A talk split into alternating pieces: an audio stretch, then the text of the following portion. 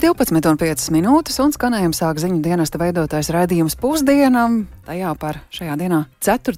janvārī, būtisko plašākā izklāstā studijā Ārta Skoja. Esiet sveicināti!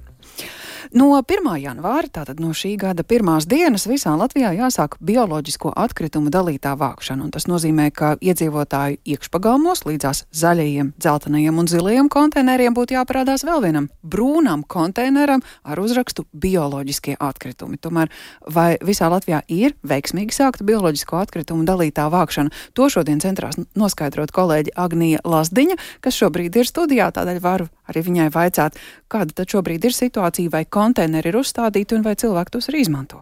Uh, labdien, jā, tad Rīgā un vairākās pierīgas pašvaldībās bioloģiski noārdāmo atkritumu dalītā vākšana uzsākta jau 2021. gada 1. janvārī, jo sāka darboties bioloģisko atkritumu pārstrādes rūpnīca Getliņos. Savukārt citvietu šķirošanai paredzētas rūpnīcas bija jāpabeidz līdz pagājušā gada beigām, un uh, pašlaik Dienvidkurzemē, Latgalē un Vidzemē šādas rūpnīcas ir pabeigtas un varēs sākt darbību paredzētajā laikā. Savukārt bioloģisko atkritumu pārstrādes rūpnīcas pie jūras atkrituma apsaimniekošanas reģionā un Jelgavā vēl tiek būvētas un paredzēts, ka šīs rūpnīcas darbu sāks vien 2000, vien šī gada vidū.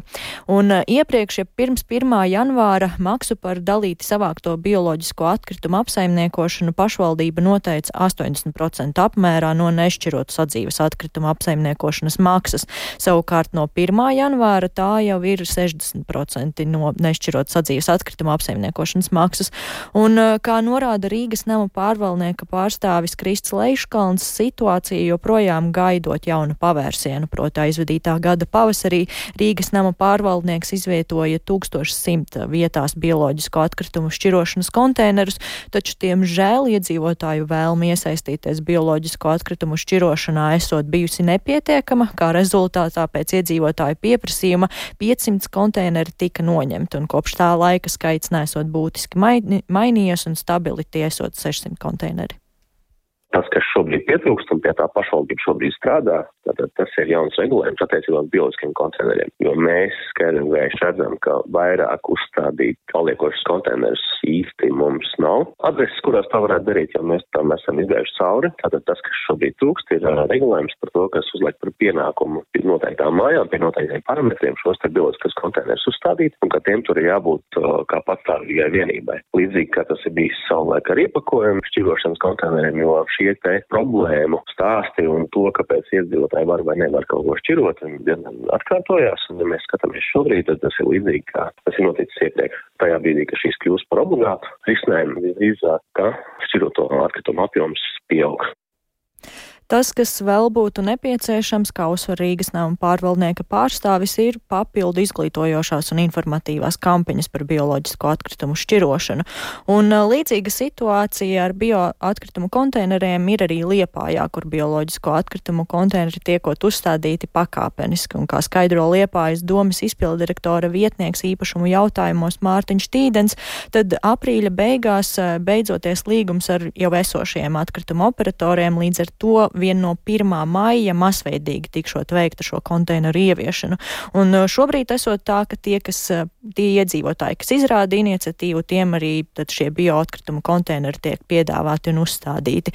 Līdz ar to tīdens norāda, ka Liepājas novadā nevis tiek apzināti kavēta šī ieviešana, bet gan nav bijusi, bijis iespējams laikus veikt šo iepirkumu tagad uh, ir ieviests atsevišķās vienībās tikai, bet jāsaka arī no valsts puses nav jau noteikts regulējums, cik ir jābūt ieviestām. Tādas uh, skaitlisku mērvienību nav, bet uh, nu, mēs pilnīgi apzināmies šo lietas svarīgumu, un jaunajā iepirkumā ir paredzēts konteiners pie katras mājas un uh, tiks piedāvāts visiem, bet, nu, redziet, kamēr nav kā citur Rietumē Eiropā, piemēram, ir pat sodīšanas sistēma, ja, ja netiek šķirot atkritumu, mums tas sots nosacīt ir ar pieaugošo cenu nešķirotiem atkritumiem, bet, nu, jāsaka, ka visā valstī nu nav vēl sasniegts tas līmenis, ka cilvēki saprast visi, ka ir jāšķiro Tāpat Liepājas domas pārstāvis norāda, ka esot veiktas analīzes, kā tad cilvēki, kuriem jau ir šie konteineri, šķiro bioatkritumus, un tad tas galvenais secinājums esot, ka ļoti mazs procents esot tādu, kas šķirojot ir iemetuši klāt kaut ko citu, piemēram, plastmasas maisiņu, taču lielākoties tie, kas ir vēlējušies šķirot, to arī dara pareizi, bet, nu, par to, kā tad visā valstī šī situācija tiek risināta, par to jau plašāk pēcpusdienā. Paldies Agnijai Lasdiņai, un šobrīd pusdienas programma turpinot par politikas aktualitātēm. Būtisks notikums visā Eiropā gaidāms vasaras sākumā - Eiropa parlamenta vēlēšanas. Šorīt programmā Labrīt sarunā ar Kristopu Feldmanu politologs Jūras Rozenvalds prognozēja, ka vēlēšanas būs interesantas, jo par deputātu vietām būs vērojama īstāka cīņa, gaidāmas politiskas turbulences arī pašos politiskajos spēkos par to, kurš tad vēlēšanās kandidēs. Pēc Rozenvalda domām vairs tikai uz divām vietām, pašreizējo trīs vietā Eiropas parlamentā varot cerēt premjeras partija jaunā vienotība, kuras reitingus pasliktinājušas ziņas par ekspremjera Kariņa privātajiem lidojumiem vēlēšanas solās būt interesantas. Interesants tādā ziņā, ka nu, būs teikt, cīņa diezgan asa visos saka, politiskā spektra fragmentos. Gan tas attiecās uz to, kuru pārstāv Nacionāla apvienība, tur diezgan nopietna konkurence var veidot konservatīvie, iesaistot savā sarakstā Langas kundzi, un tad redzēsim, cik nozīmīgi ir viņas rīkotās kampaņas Latvijas vēlētājiem. Tāda pati turbulence varētu būt nosacīta eh, kreisajā flangā, kas orientējās lielā mērā uz krievalodīgo vēlētāju, kur, eh, nu, kā zināms, eh, saskaņa ir grūti laiki, bet reizē Ušakova kungs izvērš ļoti diezgan aktīvu kampaņu.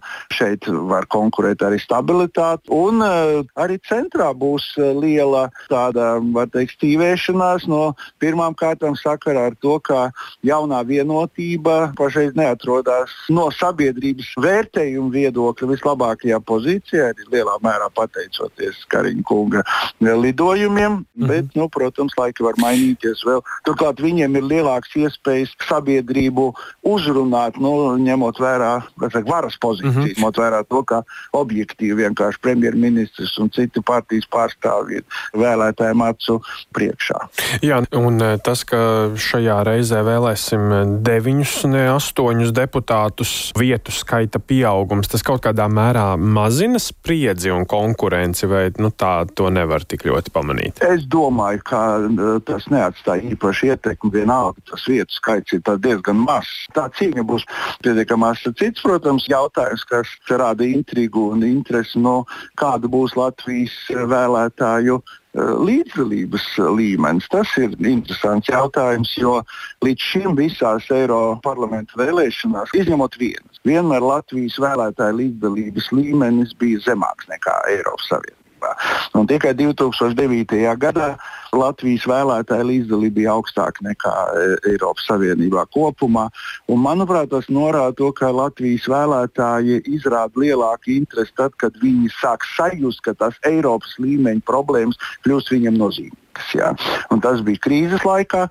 Nu, grūti prognozēt, redzēsim, kā attīstīsies notikumi. Ļoti iespējams, ka saistībā ar karu Ukrajinā un saistībā ar to, ka Latvijas vēlētāji izjūt e, šo karu tik tiešām e, jau arī vienkāršu pilsoņu līmenī, ka kaut ko tādu, kas ar viņiem tieši ir e, saistīts un kas mums kas saka, apdraud arī un rada ļoti nopietnas problēmas mūsu drošībā, nu, varbūt būs aktīvāki Eiropas parlamenta vēlēšanās šogad. Bet, kā jūs vērtējat? Vērtēt šo nu, priekšvēlēšanu aktivitātes? Te ir divas jautājuma puses. Viena jautājuma puse saistīta ar pašiem vēlētājiem, un pagaidām tās tendences neapliecina to, ka lūk, pēkšņi ļoti būtu ieinteresējušies. Aptaujas rāda, ka intereses um, līmenis ir zemāks nekā Eiropas Savienībā.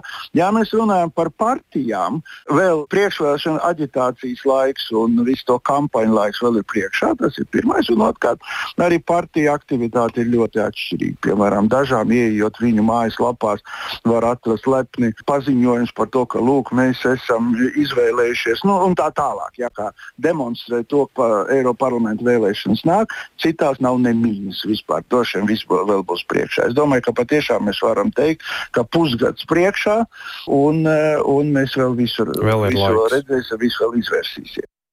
Tā Eiropas parlamenta vēlēšana tuvošanos komentē politologs Jūras Rozenvalds, bet nu par notikumiem citviet pasaulē. Nerimst bāžas, ka Gāzes joslā notiekošais karš starp Izraēlu un teroristu organizāciju Hamas varētu pārmesties uz citām vietām reģionā. Saspīlējums tuvijos austrumos ir pieaudzis pēc vakar notikušajiem nāvējošajiem sprādzieniem Irānā un tiem iepriekš notikušās Hamas līdera Saleha al-Rūrī slepkavības Libānas galvaspilsētā Beirūtā. ASV uz reģionu nosūtīs augsta līmeņa amatpersonas, lai mēģinātu mēģinātu mazināt spriedzi. Vairāk par notiekošo tuvajos austrumos ir gatavs pastāstīt uh, kolēģis Uldis Česbērs, un viņam arī vaicāšu, kuras ASV amatpersonas tad gatavojas ierasties tuvajos austrumos. Jā, rīt reģionā ieradīsies ASV valsts sekretārs Antonijs Blinkens, kurš uh, apmeklēšot vairākas valstis, uh, tostarp arī Izrēlu. Un tā būs Blinkena ceturtā vizīte Izrēlā kopš oktobra, kad sākās karš Gazas joslā. Bet šodien Izrēlā ir jāierodas ASV prezidenta īpašajam sūtnim Eimosam Hohsteinam. Un šo te abu amatpersonu vizīšu galvenais nolūks būs mazināt spriedzi starp Izrēlu un arī Libānā bāzēto radikālo kustību Hizbullah, kas kopš Gazas kara sākuma ir pastiprinājusi uzbrukumus Izraels ziemeļiem. Un saspīlējums piegā, pieauga vēl vairāk pēc aizvakar Beirutā notikušā drona uzbrukuma, kurā nogalināja Hamas politiskā spārna vadītāju vietnieku Sālehu al-Arūri. Hizbullah līderis Hasans Nasralla uzbrukumā vaino Izrēlu un Viņš arī paziņoja, ka viņa vadītais grupējums ir gatavs nežēlīgi cīnīties, ja Izraela uzsāks karu pret Libānu. Izraela nav uzņēmusies atbildību par Arūri nonāvēšanu, taču izrēliešu amatpersonas pēc notikušā ir brīdinājušas, ka Hamas līderi var kļūt par mērķi. Tajā pašā laikā Izraela ir uzsvērusi, ka šis uzbrukums nebija vērsts pret Libānu vai Hizbullah. Uh, savukārt Libānas ārlietu ministrs uh, Abdallāks Abu Habības neslēpa bažas, ka viņa valsts var tikt ierauta reģionālā karā. Varam paklausīties viņa teikto. Mēs nevēlamies kara eskalāciju, mēs nevēlamies, lai notiekošais dienvidos izplatītos uz Libānu. Mēs nevēlamies reģionālu karu, jo tas būtu bīstams visiem. Tas būtu bīstams Libānai, tas būtu bīstams Izrēlai un valstīm visapkārt Izrēlai. Reģionālais karš būtu slikts visiem. Ja Izrēla turpinās rīkoties tāpat kā līdz šim, tad es baidos, ka mēs patiešām nonāksim pie reģionāla kara, ko nožēlos visi Which everybody in the region would regret having it. Un bažas par plašāku karu tuvajos austrumos vairoja arī vakar Irānas dienvidu austrumu pilsētā Kermānā notikušie sprādzieni, kuros nogalināja vismaz 84 cilvēkus. Eh, divi spēcīgi sprādzieni ar dažu minūšu intervālu notika pie Mošejas, kurā ir apglabāts 2020. gadā ASV drona uzbrukumā Irākā nogalinātais ģenerālis Kasems Soleimani, un tur bija sapulcējušies simtiem cilvēku, lai pieminētu Soleimani nāves 4. gada dienu. Irāna apsūdzēja Izraēlu un ASV sprādzienu sarīkošanā un piedraudēja atriepties. Ja šāds atbildes solis būs, tad to visticamāk veiks Irānai lojāli grupējumi, kas varētu sarīkot raķešu uzbrukumus ASV militārajām bāzēm Irākā vai Sīrijā. Tāpat nevar izslēgt iespēju, ka pastiprināsies Irānas atbalstīto hutiešu kaujinieku uzbrukumi kuģiem Sarkanajā jūrā. Savukārt Vašingtona paziņoja, ka ASV un Izraela nav saistīti ar šiem sprādzieniem, un ASV amatpersonas norādīja, ka šis uzbrukums atgādināja jau agrāk Irānā notikušas, notikušas spridzināšanas, par kurām atbildību uzņēmās teroristu grupējums Islāma valsts. Bet uh, izdevums The New York Times, uh, atsaucoties uz Irānas valdībai tuvu stāvošiem avotiem, rakstīja, ka arī Irānas izlūkdienas rīcībā nav pierādījumu par Izraels vai ASV saistību ar vakardienas sprādzieniem, taču oficiālā līmenī esot nolēmts, ka terora aktā ir jāvaino uh, Izraelu un ASV. Mm. Paldies tā, Uldis Česbērs par jaunāko situāciju tuvajos austrumos, bet atgriežoties pie pašmāju aktualitātēm, kā galvaspilsētā kokus, kas aug ārpus mežiem, aizsargāt, uzturēt un kādos gadījumos tos var cirst. Par to šodien runās Rīgas doma. Jautājumi kļuvuši aktuāli pēc tam, kad šodien Ilģu ciemā Miklēnos apstākļos nozāģēja lielu ozolu un netālu no tā ir nozāģēta arī liepa, kas bijis diškoks. Par to plašāk gatavs stāstīt kolēģis Viktors Damīdovs, kurš pievienojas studijā. Stāsti, Viktor, kas tev ir zināms plašāk, un vai tā ir ļaunprātīga darbība, vai tomēr šī diškoka zāģēšana bija saskaņota? Jā, labdien! Sloks ielā blakus pieturē dārza iela, kas atrodas netālu no Rīgas 41. vidusskolas būvlaukumā, ir nozāģēts, nozāģēts liels koks, un uz turieni es biju aizdevies un novēroju, ka izmēra ziņā nu, tas ir diezgan liels, um, un, un, un tā ir liepa. Mm, ir atstāts uh, dažu metru augsts stumbrs, nevar teikt, ka tas ir pilnībā nozāģēts, bet uh, vietēji apkaimes biedrība norāda, ka kokam bija diškoka zīme, un par, par to biedrība arī raksta sociāla platforma platformā Facebook, kur daudz cilvēku ir dusmīgi par tādu rīcību, taču mm, es noskaidroju, ka viss ir saskaņots.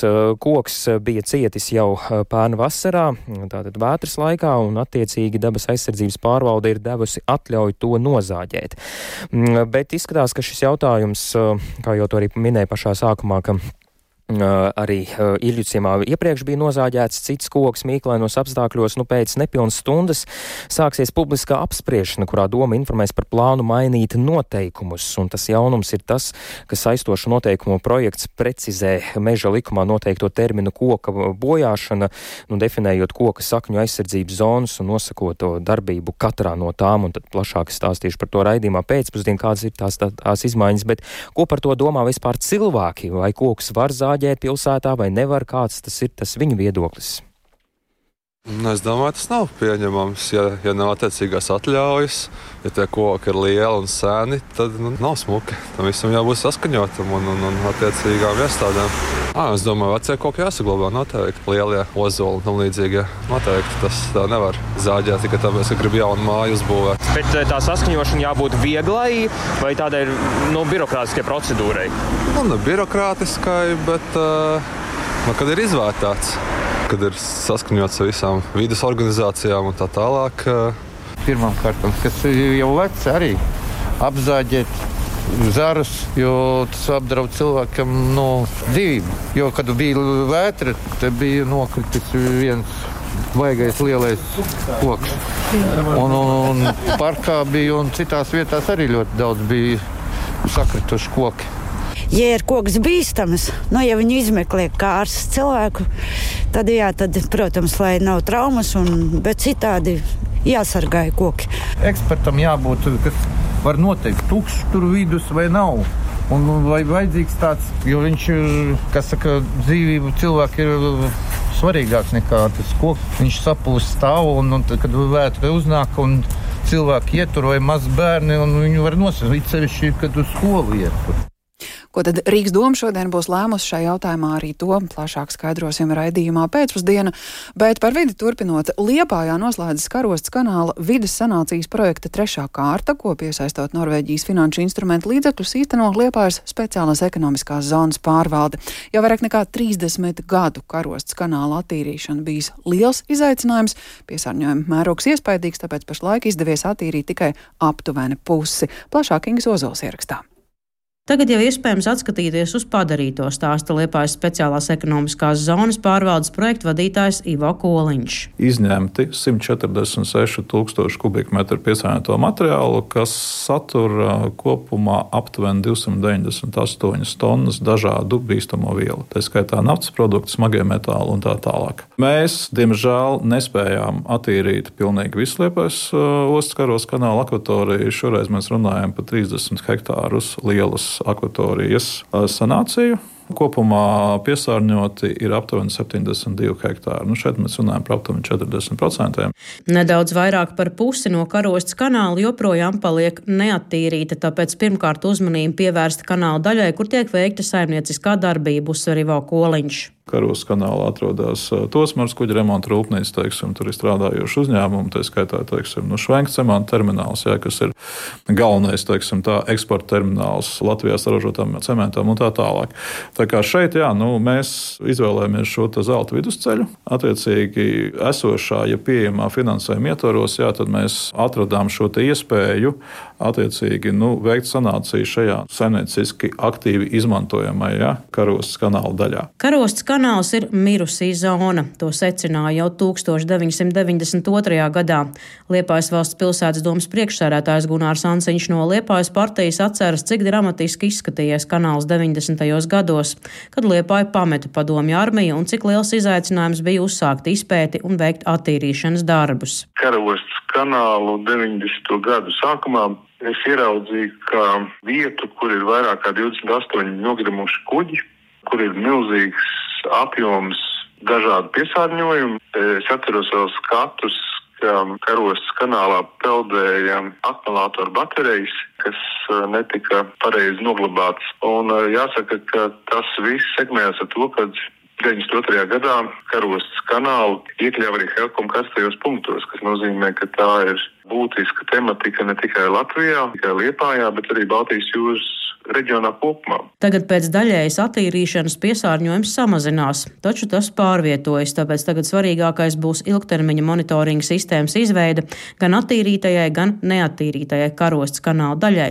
Šajā reizē karostas kanāla attīrīšana, ko veic uzņēmums Sijā Eko osta, izmaksāja aptuveni 3,5 miljonus eiro, un to atbalstīja Norvēģijas finanšu instruments. Kopējās projekta izmaksas pārsniedz 5 miljonus eiro. Ingozola Latvijas radio kurzmē. Un vēl kāds šīs dienas notikums pirms stundas paziņoja Nacionālās kino balvas lielais Kristaps nominantus, to skaita par mūža ieguldījumu balvu saņems filmu māksliniece Ieva Romanova, bet par citām nominācijām šobrīd var vaicāt lielā Kristapa spēļu filmu un animācijas filmu atlases komisijas ekspertē Kristīnai Simpsonai. Labdien!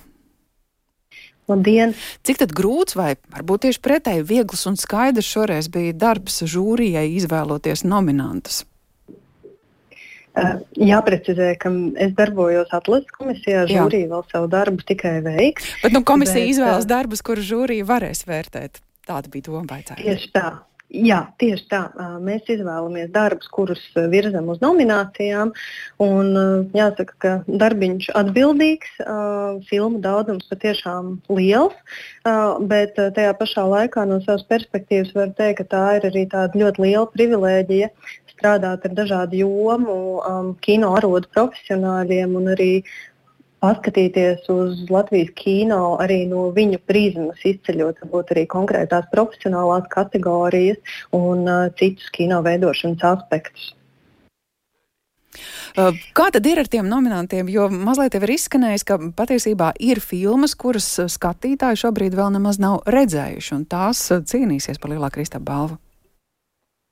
Jā, tieši tā. Um, nominācijām ir izvirzītas gan filmas, kas ir nonākušas jau uz ekrāniem, piemēram, labākās filmas spēļu filmas kategorijā Bezkaunīgie, uh, Mātes piens, um, Sauspīd 24 stundas. Šīs ir filmas, ko mēs jau esam redzējuši, bet uh, toties uh, citas šīs kategorijas nominants, piemēram, Melnais Sams un Paskart no Romas, vēl pie skatītājiem tikai nonāks.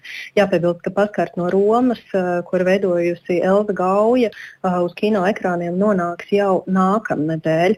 Bet um, kopumā vērtījot nominantu sarakstu, ir jāuzsver tāds īpašs, manuprāt, šā gada īpaša tendence, ka šeit uh, ļoti konsekventi līdzās pastāv darbi, kas ir gan tapuši par mūsu nozarei salīdzinoši lieliem budžetiem, gan arī absolūtos bezbudžeta apstākļos. Un, te mēs nedaudz esam tā teikt, lauzuši varbūt iepriekšējo gadu um, teikt, tradīcijas vai paražas, izvirzot arī profesionālajām kategorijām arī studentu filmas. Un studentu filmu kategorija, kurā, manuprāt, bija visvairāk pieteikumu, arī jāsaka, ir šogad viena no pārliecinošākajām, jo te ļoti organiski saplūst um, gan um, dažādu tēmu lokus, kur ir gan autora introspekcijas, gan sociālās tēmas, piemēram, arī Emīlijas Karetņikovas filma Mana bērnības ķermeņa atzīšanās, kas arī ir skatītājiem pieejama tiešsaistē. Un te iezīmēs uzreiz tāda brīvība vizuālajā stāstniecībā, kur var redzēt, tomēr, ka šīs jau ir kino veidotāju paaudzes, kas principā jau ir uzaugušas vizuālu audiovizuālu sociālo mēdīju laikā, un viņi savā ziņā pat domā attēlot.